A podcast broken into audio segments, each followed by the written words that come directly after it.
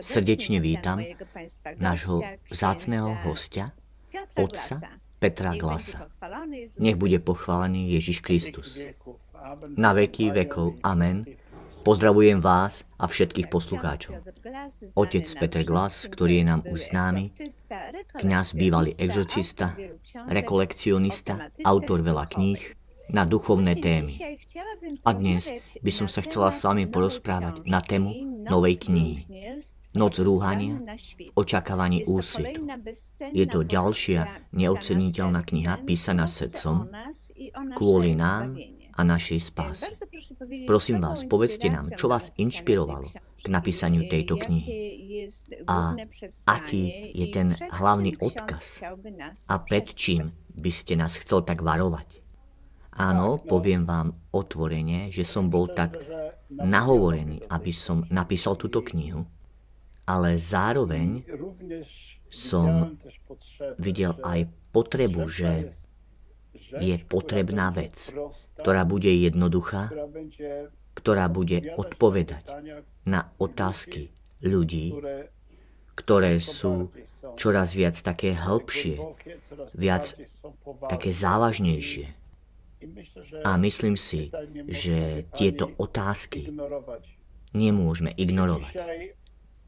Ľudia dnes sú veľmi, veľmi stratení. A to všetci vieme. To nie je nič nové. A ľudia dnes si kladú otázky. A ak nedostávajú odpovede na tieto otázky, tak na nešťastie odchádzajú. Sú veci, ktorých nie v mainstreamoch ktoré nie sú na internete, ktoré nemôžete počuť ani na YouTube. A sú veci, o ktorých sa nedočítate ani v cirkevných časopisoch. Ako keby nič neexistovalo, ako keby neboli problémy. A tí, ktorí sa naozaj zaujímajú, vedia, kde hľadať, kde je možné nájsť tieto odpovede.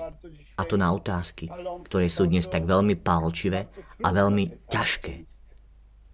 A tak, ako som povedal, bol som požiadaný, aby som napísal niečo také. A táto kniha nie je ani tak duchovná, ako viac tak pastoračná. Tak písaná od srdca k srdcu jednoduchá, ako myslím si, že každá kniha, ktorú som sa snažil písať. A kniha, ktorá bude pre ľudí aj užitočná. Nie je taká, že niekto musí čítať, odloží to a zabudne. Je tiež knihou, ktorá je napísaná vo forme rozhovoru. A veľmi sa to dobre a ľahko číta. A je to kniha, ktorá dáva odpovede ľuďom, a myslím si, že na veľa otázok. A tieto otázky boli veľmi ťažké a hlboké. A uvedomujeme si, že nemôžeme napísať knihu, ktorá bude 800 stranová, lebo takúto tehlu si do rúk nikto nevezme. A hoci aj čo najjednoduchšie, ale zároveň veľmi tak hlboko odpovedať ľuďom na veľmi tak pálčivé otázky. A viem, koľko táto kniha už v tejto chvíli prináša dobre. Táto kniha je smerovaná k laikom, ale zároveň aj k nám, kňazom. Teraz čoraz viac stratených, čoraz viac znechutených, strácajúc svoju identitu, strácajúc zmysel našej identity. A viem to, lebo mám kontakt s mnohými kňazmi, ktorí prosia a tiež tak žoblonia o túto pomoc. Lebo my tak tiež sami prežívame veľmi veľa ťažkostí. A tak som si aj pomyslel, prečo to neskúsiť. Táto kniha mi dala zabrať veľmi veľa. A nemyslím teraz na čas. Áno, aj ten som musel stráviť, ale myslím na ten duchovný boj. Dokonca aj včera som bol navštíviť jedného pána, ktorý je z Írska, ktorý má manželku a je to staršie manželstvo a chodí pravidelne do kostola, Ír, tak ako aj Poliak, rodený katolík, Ona je angličanka, ale tiež rodina katolíčka. A myslel som si tak, že to bude taký priateľský obed. Ale jednoducho tento obed sa zmenil na sériu otázok. A dokonca som sa začal cítiť, ako keby som bol na polícii. Otázka za otázkou. Oči, ale ja sa vás to musím spýtať, pretože ja chodím do kostola. Ale rozdelil som si to. Môj život, čo sa týka viery, od inštitúcie, církvy. A ja chodím do kostola, ale čoraz viac sa pýtam sám seba, na čo ja tam vlastne chodím? Veď tá církev mi nič nedáva. Ja viem, že chodím na Svetú Omšu, že príjmam Pána Ježiša. Viem, že musím počúvať Božie slovo. Ale hovorí, inštitúcia církvy čoraz viac odchádza z môjho života.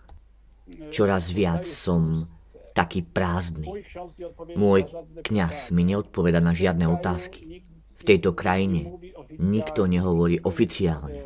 Všetko je tak uhášané a začal mi dávať také ťažké otázky, na ktoré som sa snažil odpovedať. A návšteva, ktorá mala pôvodne trvať jednu hodinu, trvala 4 hodiny. A bol som tak unavený. Došiel som domov večer o 6. A ja im hovorím, chcel by som vám dať túto knihu si prečítať, ale na nešťastie ona je v jazyku polskom. A táto kniha je práve pre týchto ľudí, ktorí sa už nachádzajú niekde na hranici, bojujú so svojimi myšlienkami, so svojou vierou, s tým, v čom boli vychovaní, s tým, čo sa dnes deje v tom celom chaose. A vlastne oni, keď nedostanú odpoveď na tieto otázky, veľa ľudí prestáva chodiť do kostola. A preto tu máme, čo máme. Ľudia húfne odchádzajú z cirkvy. A to nie len mladí ľudia. Hovorí sa, že odchádzajú mladí, ale rovnako aj starší, tiež starší v mojom veku, moje pokolenie. Ale starší ľudia tiež, oni rezignujú, odchádzajú z církvy, lebo žijeme v takýchto časoch a myslím si, že táto kniha pomôže mnohým ľuďom. Ľuďom, ktorí hľadajú ľuďom, ktorí sú nejako stratení a ľuďom, ktorí možno tiež už stoja na tom zraze, nad tou priepasťou. A stačí jeden krok dopredu a oni duchovne zomierajú. A Satan len na toto čaká. Takže ja si myslím, že toto dnes je veľmi potrebné. Ale ako hovorím, nebolo to nejaké ťažké písanie tejto knihy ale cítil som pri písaní tejto knihy takú zvláštnu asistenciu Ducha Svetého. Tak ako aj každý iný kňaz. A preto táto kniha vznikala tiež za rozličných okolností. A táto asistencia bola úžasná. Napríklad mal som nejakú otázku a odpoveď na ňu som dostával idúc autom alebo idúc do obchodu. A hneď som si to zapisoval, alebo som si to opakoval, alebo som to nahrával na telefón. Túto odpoveď, aby som to nezabudol. Prichádzal som domov, sadal za počítač a písal. A Duch Svety mi dával odpoveď. A nie jedenkrát. Na nezvyčajných miestach a v nezvyčajných momentoch. A potom toto všetko zapadlo do seba ako celok. A cítil som takú veľmi veľkú asistenciu Ducha Svetého.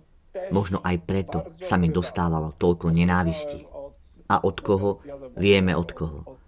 Samozrejme, od nášho nepriateľa. A koľko za to ešte nenávisti obdržím, to neviem. Ale to nie je dôležité. Najdôležitejšie je to, že ľuďom bude odpovedané na veľmi dôležité otázky. Pri najmenšom aspoň nejaký útržok týchto odpovedí. A ak niekto bude chcieť, určite si toto môže prehlbiť, túto tému, lebo všetko sa nedá napísať. Ale myslím si, že aj laici, aj ľudia duchovní získajú veľmi veľa na tejto úrovni. Prosím vás, oče, vieme, že plán, ako zničiť církev, trvá. Tak, ako ste povedal, herézy sa množia, to každý deň. A je už veľmi ťažké to všetko tak vstrebať a nájsť sa v tomto svete plnom klamstva. odpadu a zvrátenosti. Je toto čas rozhodnutie sa, po ktorej strane pôjdeme a či slabí a taký vlažný vo viere pôjdu so svetom a ostane už len taký maličký počet, ktorý aj cez prenasledovania protivenstva neodíde od svojej viery a vytrvá až do konca. A práve tí budú spasení. Všetko tak k tomu speje, že tento počet je čoraz menší. Ale samozrejme, církev zničiť nie je možné. A tým sme si istí, že brány pekelné církev nepremôžu. Stále tak opakujeme a zamýšľame sa, ako tá církev bude vyzerať. Pana Mária hovorila otcovi Gobimu o novej církvi.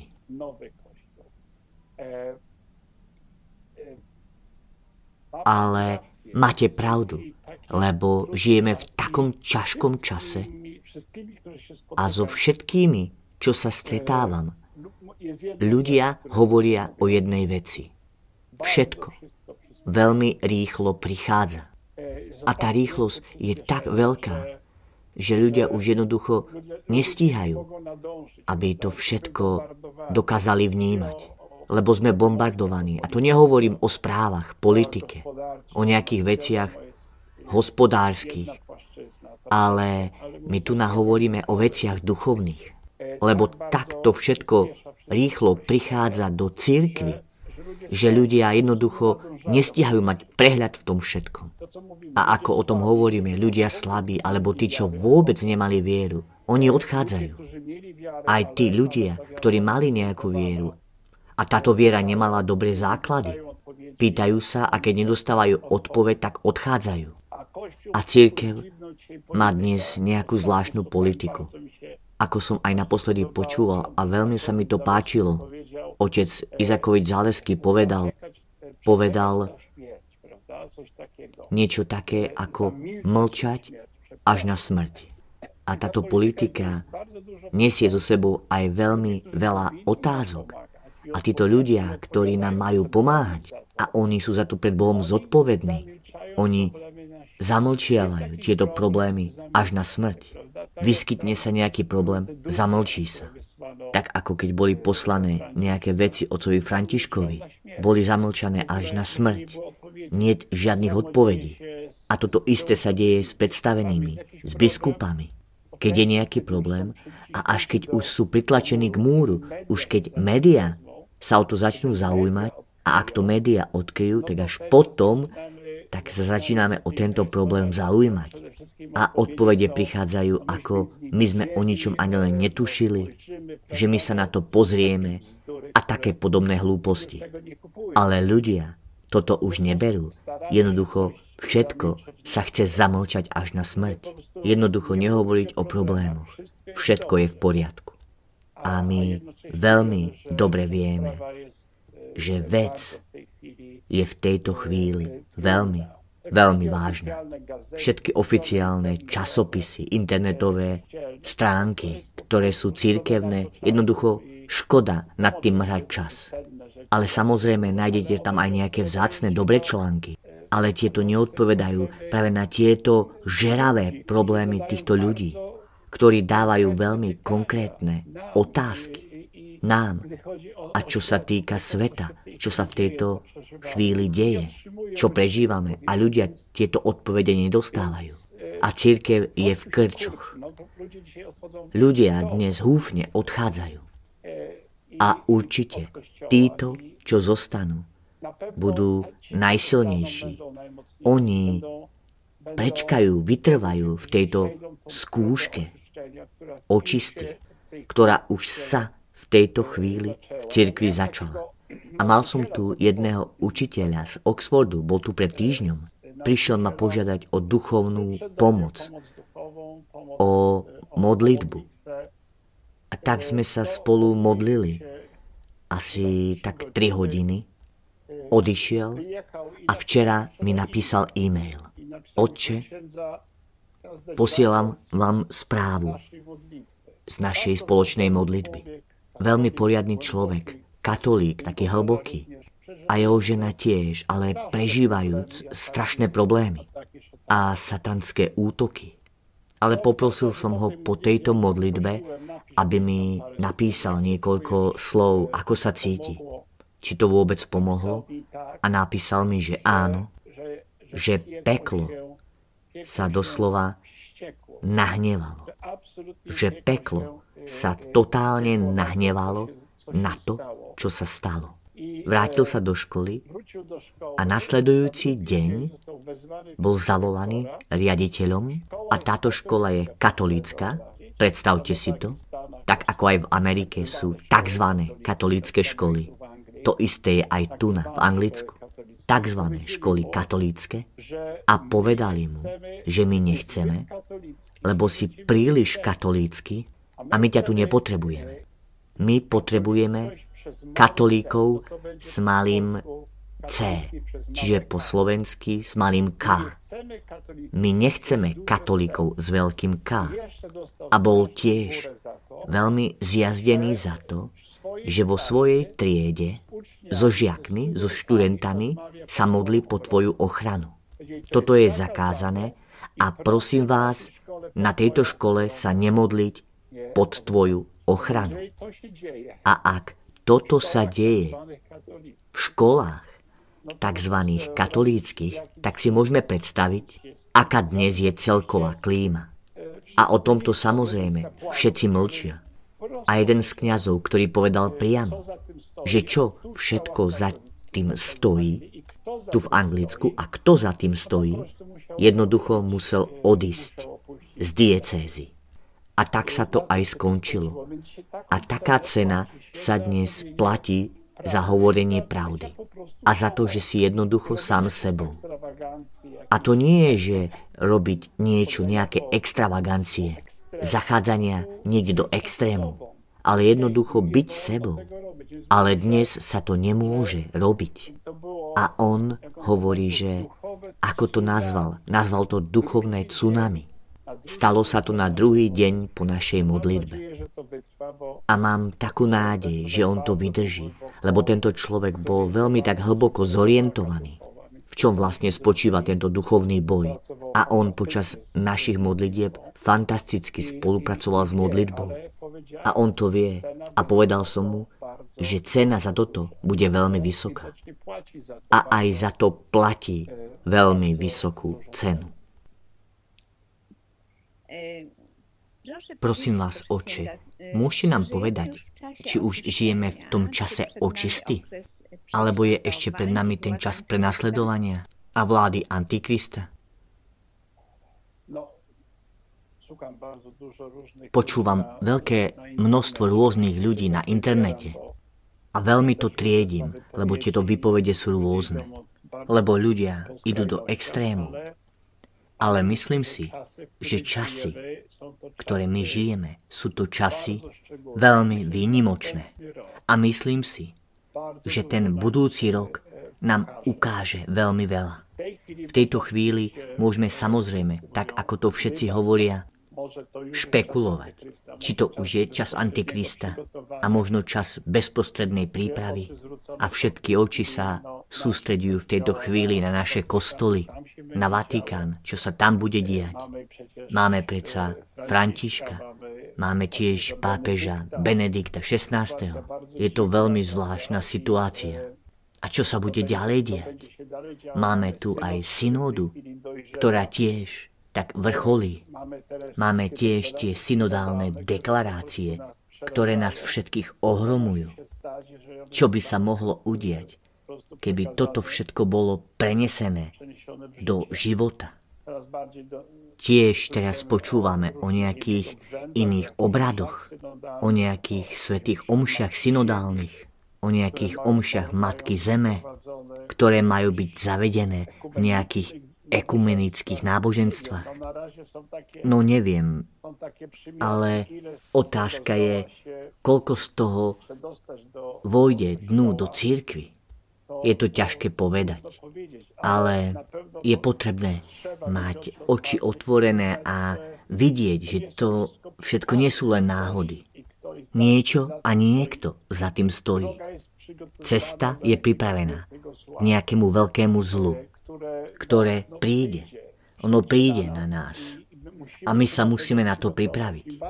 A čím viac sme my pripravení, tým lepšie, tým skôr to príjmeme s veľkou pohodou ducha, ale tiež s takým pochopením. Lebo keď ja rozumiem tejto taktike nepriateľa, že viem a som pripravený, že prichádza vojna, že nepriateľ zbrojí, ja sám sa musím k tomu pripraviť. A nie predstierať. Nič sa nedeje, všetko je dobré, slnko svieti. Majme sa len radi, milujme sa a potom jednoducho príde úder a tak budem prvý, ktorý padne v tomto boji. A mám tu knihu, ktorú stále odporúčam. Odporúčam ju všetkým. Je to kniha oca Gobiho. A tu veľmi pekne píše otec Gobi slova a sú to slova Panny Márie, ktoré pre mňa, keď ich čítam, sú takou veľkou pomocou. Áno, sú veľmi také tvrdé, ale jednoducho vidím, že toto všetko sa plní. A deje sa to priamo pred našim zrakom. A Mária napríklad hovorí takto. Na církev zostupí ešte väčšia temnota a bude schopná všetko obklopiť. Bludy budú viac rozšírené a mnohí budú vzdialení od skutočnej viery. Odpad sa rozšíri ako epidémia. A toto sa dotkne aj pastierov, aj im zverených stát. Círke, moje biedné, ukrižované a zomierajúce dieťa. Skutočne sa môžeme pozastaviť nad každým slovom. Církev, moje umierajúce dieťa. A tak podľa sveta, církev už zomiera. Ľudia hovoria, už je koniec církvy. A to takej, akú sme poznali. Budete trpieť, budete opúšťať farnosti. Nikto už vás jednoducho nechce. Vlastne také umierajúce dieťa. A bude musieť veľa vytrpieť. A to na celej zemi. A toto je zaujímavé.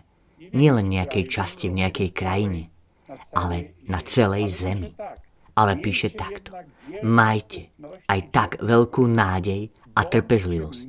Buďte silní vo viere a nádeji. Pozdvihnite zrak ku mne, k Matke Boha a k vašej skutočnej mame. Nadišli vaše skutočné časy. Choďte cestou opovrhnutia svetom. A teraz sú tu také slova. Pozdvihnite zrak v týchto pochmúrnych časoch v ktorých žijete. A nebojte sa, že Satan je uznaný teraz za vládcu sveta a pána celého ľudstva. A vy tiež často rozprávate s ľuďmi a určite o tom hovoria. Tiež aj vo svetových vládach. Včera som bol v hoteli a stretol som sa človekom, ktorý nevedel, kto ja som. A začal sa mi tak prihovárať, a to jazykom takým veľmi otvoreným. A začal mi hovoriť veci, ktoré by niekto niekedy povedal, že sú to konšpiračné teórie, že to je nemožné. A on jednoducho povedal, nie. A na konci mi povedal, že je reportér BBC a vediem program v BBC. Prosím, môžete si to pozrieť? Ja som investigatívny reportér. Ja toto všetko vidím, čo sa deje. A hovorí, prosím, verte mi. Posledná vec, ktorej môžete veriť, sú mass media. A toto sa deje už pred našim zrakom. A on nevedel, s kým hovorí. Ale vedel, že som Poliak. A videl, že som tomu otvorený a hovoril, že toto všetko je spravené, pripravené, nahraté. A toto sú veľké agendy. A dal mi dokonca aj svoju vizitku, vizitku toho programu, ktorý on nahráva, robí. A tiež som si tak pomyslel, či toto bola náhoda, že stretávam človeka, ktorý tak náhle sa otvorí a vychádza najavo, že má nejakú pozíciu, robí o tom program a precestoval celý svet a hovorí mi, Prosím vás, dávajte pozor. Všetko sa začne diať veľmi rýchlo. A toto mnou tak zatriaslo. A to sú vlastne slova, ktoré panna Mária povedala otcovi Gobimu. Dnes sa to stáva aktuálne. Píše takto. Svet sa stal veľkou púšťou. Svet už nevie, ako milovať, pretože neprijal Krista. A veľmi zaujímavo ďalej píše takto. Panna Mária hovorí, moja církev. A toto je veľmi dôležité. Moja církev bude otrasená. A to násilným vetrom odpadu a neverí. Takže hrozí nám odpadnutie a nevera. A neveru už máme v cirkvi. Ten, ktorý je proti Kristovi, vstúpi do církvy, konajúc ohavnosť spustošenia, ktorú nám predpovedalo Sveté písmo. A je to známy text z Matúša 24. A kto je to vlastne ten ten? Tak na túto tému môžeme povedať rôzne veci. Píše ten, ktorý je proti Kristovi, ktorý nehovorí o Kristovi, ktorý neučí o Kristovi, ktorý otvorene učí proti Kristovi a zavádza náuky proti Kristovi. Ohavnosť spustošenia. Čo bude tou ohavnosťou spustošenia? Netuším. Ale každopádne to bude veľká svetokrádež. Ľudstvo spozná krvavú hodinu trestu. Ona udrie, a to byčom epidémii, hladu a ohňa a hovorí takto. Nebojte sa. Nedovolte, aby vás obklopilo znechutenie. Lebo ja som s vami. A nakoniec ešte nehanebník vstúpi do církvy, aby spôsobil tú ohavnosť spustošenia. Ešte raz o tom hovorí Pana Mária na inom mieste, ktorá nájde svoj vrchol v strašnej svetokrádeži. A táto kniha je o svetokrádeži. Je o tom veľa tam písané. Je to to, čo sa dnes deje. V tých rúhaniach, svetokrádeži, ktoré my dnes hádžeme Bohu. Ale tu Pana Mária hovorí o strašnej svetokrádeži. Môžeme povedať o strašnom rúhaní. Neviem, čo to bude. Je to ťažko povedať. Nikto to nevie. Ale toto každopádne, podľa týchto slov, nás čaká. Veľké odpadlíctvo sa rozšíri všade. A vtedy moje nepoškvrnené srdce zhromaždí malý zvyšok. A ešte nakoniec tu zacitujem, veľa biskupov a kňazov bežia cestou, neverí a slavnú ako vyhasujúce svetla. Veľa dravých vlkov vchádza v baránkovej koži do ovčinca môjho syna, Ježiša, aby v nej vykonala masaker. Pomôžte mi ich zachrániť. A toto je prekrásne. A čo je cestou církvy? Zachraňovať duše. A dnes agendou církvy je to, že je veľa emisí. To, že zaniká džungľa, že sú znečistené rieky. Áno, toto môže byť na niektorom mieste. Ale dnes je z toho vytvárané nové náboženstvo, náboženstvo ekológie. A dnes je toto agendou církvy. Tak ako tu v Anglicku bolo plenárne zhromaždenie biskupov. A prvé tri body boli ekológia. A aby sme sa nejako spojili v tej ochrane Matky Zeme. A Mária hovorí, pomôžte mi zachrániť duše. Ľudí, ktorí hynú. A toto sú slova, ktoré čítajúc, ja samozrejme, ja sám, ako kňaz, možno viem, že je ťažko a bude ešte ťažšie. Ale viem, že to bolo predpovedané Máriou. Bolo to predpovedané v Akite, v Lasale, v Garabanda a to na mnohých miestach. A viem, že Mária nás predtým varovala a my dnes sme týmto pokolením, ktorý musíme na nešťastie cez toto prejsť. Ale skutočne naozaj Boh je tu nad všetkým. A Mária nám dáva túto cestu. Bude len malý zostatok. Bude ťažko. Nastane ohavnosť spustošenie. Ľudia budú rozdelení. Zľava doprava, to v církvi. A my máme tak silno sa pripútať k Panne Márii. A myslím si, že táto kniha, mimo toho, že poukazuje na rôzne veci, ktoré sa dejú, je taká otvorená, úprimná, bolestne úprimná, ale tak zároveň poukazuje na nádej. A tu, čo Pana Mária vlastne hovorí o tomto svetle. A v tejto knihe je tento názov. Noc rúhanie. Predtým, ako príde úsvit.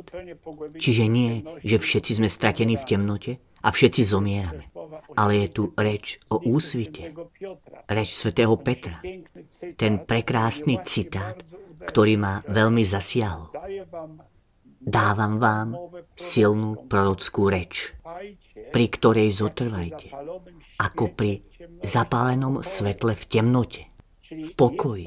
Čiže je táto temnota, to, čo nás obklopuje, táto neistota a ohavnosť pustošenia môže byť ešte veľmi hrozná. Môže mať hrozné ostré zuby a môže zmiesť ako drak jednu tretinu hviezd. Môže zmiesť polovicu kňazov, biskupov a polovicu církvy. Áno, môže. Ale držte sa tohto učenia.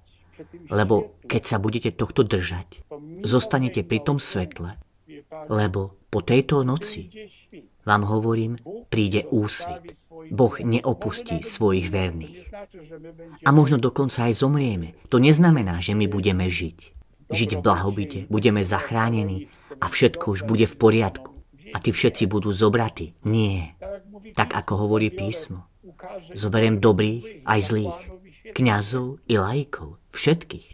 Všetci budeme trpieť, ale vy budete na víťaznej strane. Budete na strane tohto úsvitu, ktorý príde, či už za môjho života, to neviem. Ale myslím si, že moje pokolenie sa s týmto bude musieť vysporiadať. A tak hovorím, vydržte pri tej náuke učení, ktorú ja vám dávam. Nedajte sa zviesť tou heréziou, novinkami, falošnosťou, tomuto všetkému, čo sa dnes ľuďom predkladá.